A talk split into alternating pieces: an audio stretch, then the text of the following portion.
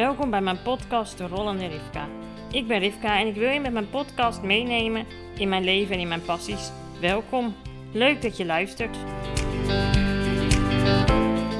De afgelopen weken ben ik bezig geweest met een heel lastig onderwerp, namelijk een levenstestament. En ehm, het is eh, niet echt een leuk onderwerp om over te praten, maar ik denk ook dat deze podcast wel het podium is om het daar een keer over te hebben. Dus ehm, ja, ik wil jullie wat meer vertellen over het levenstestament waar ik mee bezig ben geweest de afgelopen weken. Hoe rolde de afgelopen week? Nou ja, nu de podcast natuurlijk maar één keer in de twee weken komt, is er sinds de laatste keer gewoon, ja, mijn leven draait natuurlijk gewoon door en uh, ik heb het heel erg druk gehad op mijn werk. Um, heel uh, veel, ja, gewoon heel veel te doen. Het is mega druk. We hebben heel veel mooie plannen om uiteindelijk het reizen voor mensen met een beperking te verbeteren. En um, daarvoor hebben we afgelopen dagen, afgelopen weken allemaal nieuwe foto's gemaakt voor de website van Schiphol. Om uh, toch wel wat meer inzicht te geven in hoe de processen lopen. Super vet, heel gaaf. Uh, maar heel erg vermoeiend om zoiets op een Schiphol te organiseren. Ik dacht dat dingen bij het Spierfonds soms lastig waren. Maar ik ben er wel achter dat je dat, uh, dat het echt een schijntje is met uh, hoeveel dingen je moet bedenken en regelen voordat zoiets op Schiphol kan. Maar ook wel heel erg tof. En de, resultaten zijn heel erg mooi. Dus daar ben ik heel erg blij mee. En verder is het gewoon, is het nu bloedheet. Het is zondag dat ik dit opneem en ik zit hier in de bloedhitte. De vin kan niet aan, want dat hoorden jullie op de achtergrond. En uh, ik wil niet uh, ondankbaar zijn of zo. Maar ik kijk er toch ook wel naar uit om weer gewoon lekker onder mijn dekbedje te kunnen slapen. In plaats van uh, in de bloedhitte. My point of view. Ja, een levenstestament. Het is zoiets waar je eigenlijk nooit aan wil beginnen. Maar waarvan je eigenlijk ergens wel weet in mijn situatie, of in de situatie van velen met mij, dat het misschien wel eens verstandig is. En um, wat is een levenstestament? In een levenstestament leg je vast uh, hoe jij behandeld wil worden als je ziek bent. En dat je op dat moment niet meer zelf de regie kan voeren over je eigen leven. Dus bijvoorbeeld als je in coma ligt uh, of gestudeerd bent.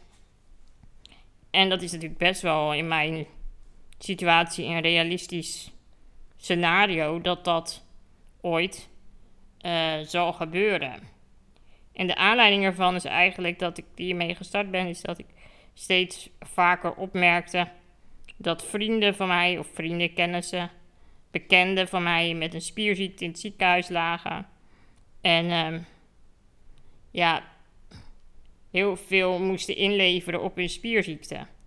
En heel veel complicaties kregen en, en maar doorgingen en doorgaan. En dat doet mij elke keer wel heel erg nadenken over wat, wat wil ik dan in, voor mezelf in mijn situatie. En ik dacht altijd, nou, ik vertrouw er wel op dat mijn omgeving de juiste keuze maakt. Maar ik zag dus ook heel vaak keuzes die ik in mijn ogen anders zou willen voor mijzelf. En toen dacht ik, ja, de mensen, ja, toen dacht ik, ja, dan kan ik dat niet allemaal maar ervan uitgaan dat het wel goed komt. Want Stel je voor dat mijn familie op dat moment in zo'n emotionele rollercoaster zit en mij zo, zo graag in hun leven willen behouden en dat ze alles op alles zetten voor behandeling, terwijl ik dat misschien eigenlijk helemaal niet op die manier zou willen. En uh, ik heb gezien hoe mensen uit sommige um, situaties komen, hoe het met sommige mensen gaat na bepaalde ingrepen en zo. En daar heb ik wel heel veel over nagedacht van ja, wat wil ik? Wat zijn mijn grenzen en wat zijn mijn... Ja, hoe wil ik dit? In de toekomst. En ergens kun je het ook allemaal niet invullen, want je weet nooit hoe je ziek wordt en wat er dan gaat gebeuren. Maar goed, ik ben dus naar de notaris gegaan om dit te laten vastleggen, want ik wil dit gewoon goed geregeld hebben. Zodat als het gebeurt, dat dat de artsen, maar ook mijn omgeving echt vast heeft liggen hoe ik het wil. En dat daar ook uh, weinig uh, tussen te brengen is. Nou ja, daar is natuurlijk elke situatie moet geanalyseerd worden. Maar wat ik gewoon heel erg belangrijk vind, heel erg belangrijk vind, is dat ik kan blijven wonen en kan blijven zijn wie ik nu ben. En dat klinkt misschien heel gek. Ik weet wel dat bij mijn spierziekte achteruitgang hoort. Maar ik zou bijvoorbeeld niet willen inleveren op mijn hersenfuncties. Dus als ik zou stikken en er zou toch wel lang zuurstoftekort zijn in mijn hersenen, waarbij mijn hersenfuncties minder worden, ja, dan kan ik misschien dit leven wat ik nu leef niet meer leven. En wil ik zoveel inleveren? Want ik vind eigenlijk wel dat ik. Ik, le ik heb al zo weinig nog van mezelf. Want ik ben fysiek volledig afhankelijk van anderen. En eigenlijk heb ik alleen nog mijn hoofd. Wat, wat mijn eigen ruimte is. Nou ja, daar ben ik dus over gaan nadenken van wat zijn dan die grenzen en waar wil ik dat het stopt en waar wil ik niet dat het stopt. En dat is natuurlijk ook helemaal niet leuk om over na te denken. Maar daar heb ik een gesprek over gehad met de notaris. Die heeft mij meer verteld over welke mogelijkheden er zijn. En vervolgens heb ik een gesprek gehad met de huisarts. Want ik vond het wel heel erg fijn om met haar te bespreken van... Uh, wat ik in gedachten heb, is dat realistisch in medische taal? En dat is best wel. Je weet, je gaat natuurlijk uit van een scenario, maar terwijl je helemaal niet weet of dat scenario ooit zal plaatsvinden. Weet je, misschien ben ik al gestorven voordat ik in een coma raak. Of ja, je weet niet wat er gaat gebeuren en je moet dingen gaan vastleggen, terwijl het misschien wel heel anders zal gaan. Ja, toen hebben we samen besloten sowieso om een niet-reanimatie verklaring in de thuissituatie op te stellen. En dat heb ik ook gelijk aan mijn personeel laten weten, want reanimeren is best wel een kunst. En ik ben hartstikke krom, scheef en gek gegroeid. Dus wil je mij reanimeren in mijn huis, dan moet je wel echt verdomd goed weten wat je doet, hoe je het doet. En kun je dan op de goede snelheid handelen. Ja, wij denken toch dat die kans heel erg klein is dat dat goed zal gaan. En stel je voor, ik kom eruit met alleen maar gebroken botten. Ja, wat is dan de hersteltijd? Um, dus daarin hebben we afgesproken, ik met de huisarts, van we doen geen reanimatie op in de thuissituatie. Maar ja, dan heb je ook weer in een ziekenhuissituatie. Want het kan zijn dat ik een ingreep krijg er gebeurd was, ze spuiten gelijk medicijn in en mijn hart doet het weer. Ja, dan is er in die zin weinig kans, kan het weinig kans hebben dat ik hersenfunctieverlies heb. Dus in de ziekenhuissituatie heb ik weer vast laten leggen dat het in sommige gevallen best wel een optie is. En dan moet je natuurlijk maar hopen dat de mensen op tijd de juiste protocollen lezen enzovoorts. Um, ja, en dan het levenstestament. Eigenlijk een levenstestament bestaat dus uit twee delen. Een deel voor je financiële zaken en een deel voor je medische zorgzaken. En daarvoor kun je allebei een andere persoon aanstellen. En in mijn geval zijn allebei mijn zussen aangesteld. Dat wilden ze zelf ook. En dat vind ik ook wel heel erg fijn. Ik vind ook dat je dat gesprek aan moet gaan met de mensen om je heen. Ook of ze het willen. Of ze ook kunnen uitvoeren wat, jij, wat jouw wensen zijn. Dus um, ja, want je moet dus ook je financiën dan vast laten leggen. Omdat, um, kijk, als ik in het ziekenhuis lig, moet mijn personeel daar ook zijn. En die moeten wel gewoon uitbetaald worden. Ja, dan moet je zo iemand hebben die bij je spullen kan. Om dat op die manier vast te leggen en te regelen. En dat, en dat iemand dat ook mag doen namens jou. En dat uw huur van mijn huis betaald wordt. En water en gas en licht. Je wil niet opeens thuiskomen dat je niks meer hebt. Dus dat hebben we ook. Um, dat is het ene deel wat er vast ligt. En het andere gedeelte is dus je zorgwensen. Of ja, hoe noem je dat? Hetgene van je zorg. En dat is dus eigenlijk nog wel het lastigste. Want als het over geld gaat, dat is zoiets zakelijks. Ja, prima, weet je. Dat komt wel goed. Maar als het gaat om je leven of dood, ja, hoe moet je dat omschrijven dat een ander begrijpt en voelt wat je zelf wilt? En nou ja, ik heb dat ook met mijn zussen besproken van goh, ik zou dit niet willen en ik zou dat niet willen. Ik wil bijvoorbeeld graag mijn stem kunnen blijven laten horen. Dus, um, en trouwens, ik bespreek dit hier.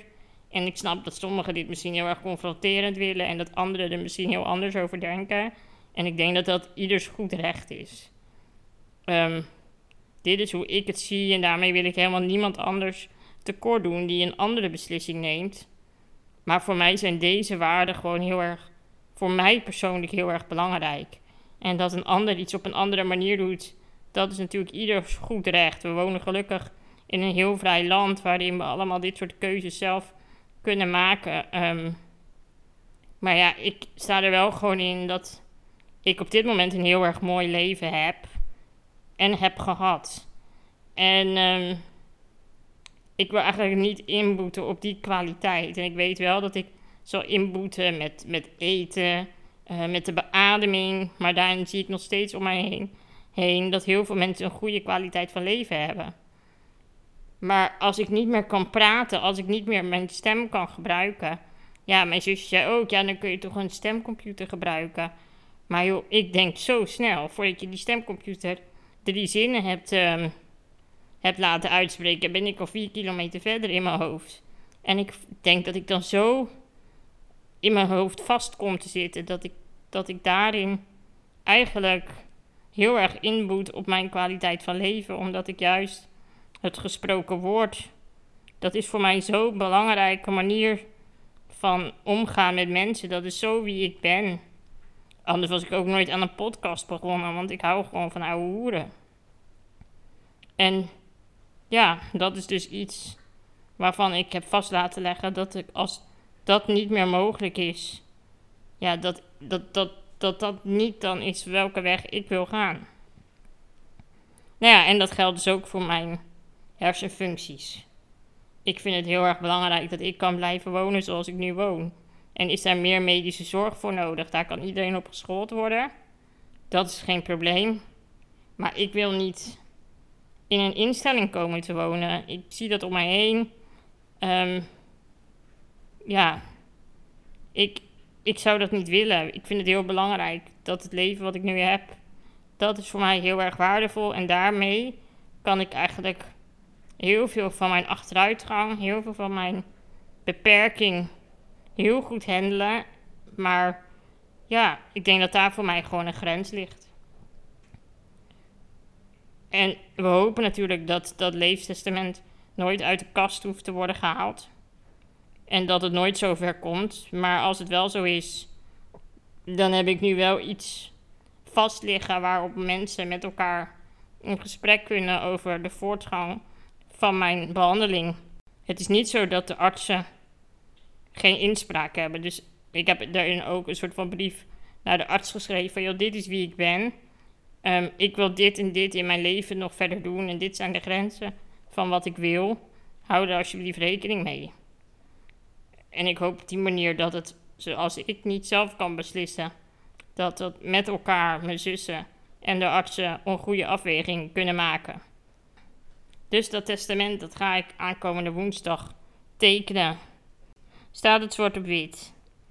En ja, dan gaan we gewoon hopen dat het nooit nodig is om hem uit de kast te hoeven pakken en anderen um, op te zadelen met de last van, uh, van die beslissingen die genomen moeten worden. Het is toch allemaal maar gedoe. Um, maar het geeft ook wel rust dat het vastgelegd is en dat men weet wat ik wil Waardoor ik um, ja, daarin ook een stuk eigen regie kan behouden. En ik kom er toch wel steeds meer achter hoe belangrijk die eigen regie is als je nog zo weinig kunt. Nou, dit was dus een hele gezellige podcast. Ik hoop dat je er lekker van hebt genoten met een bakje chips of een popcornje erbij. Popcorn zou ik overigens niet doen. Ik stik er namelijk bijna altijd in. Dan kan je dat levenstestament gelijk uit de kast halen. Maar um, ja, soms ook moet je niet leuke onderwerpen hierin bespreekbaar maken. En um, nogmaals, voor iedereen ligt deze keuze anders. Dit is voor mij een keuze en um, Misschien denk ik er over tien jaar ook wel anders over, maar voor nu voelt dit heel erg goed. Ik uh, wil jullie bedanken voor het luisteren naar deze podcast. En um, ja, mocht je vragen hebben of reacties willen geven, neem contact bij mij op via de bekende kanalen. En uh, we spreken elkaar vast snel weer. Doeg!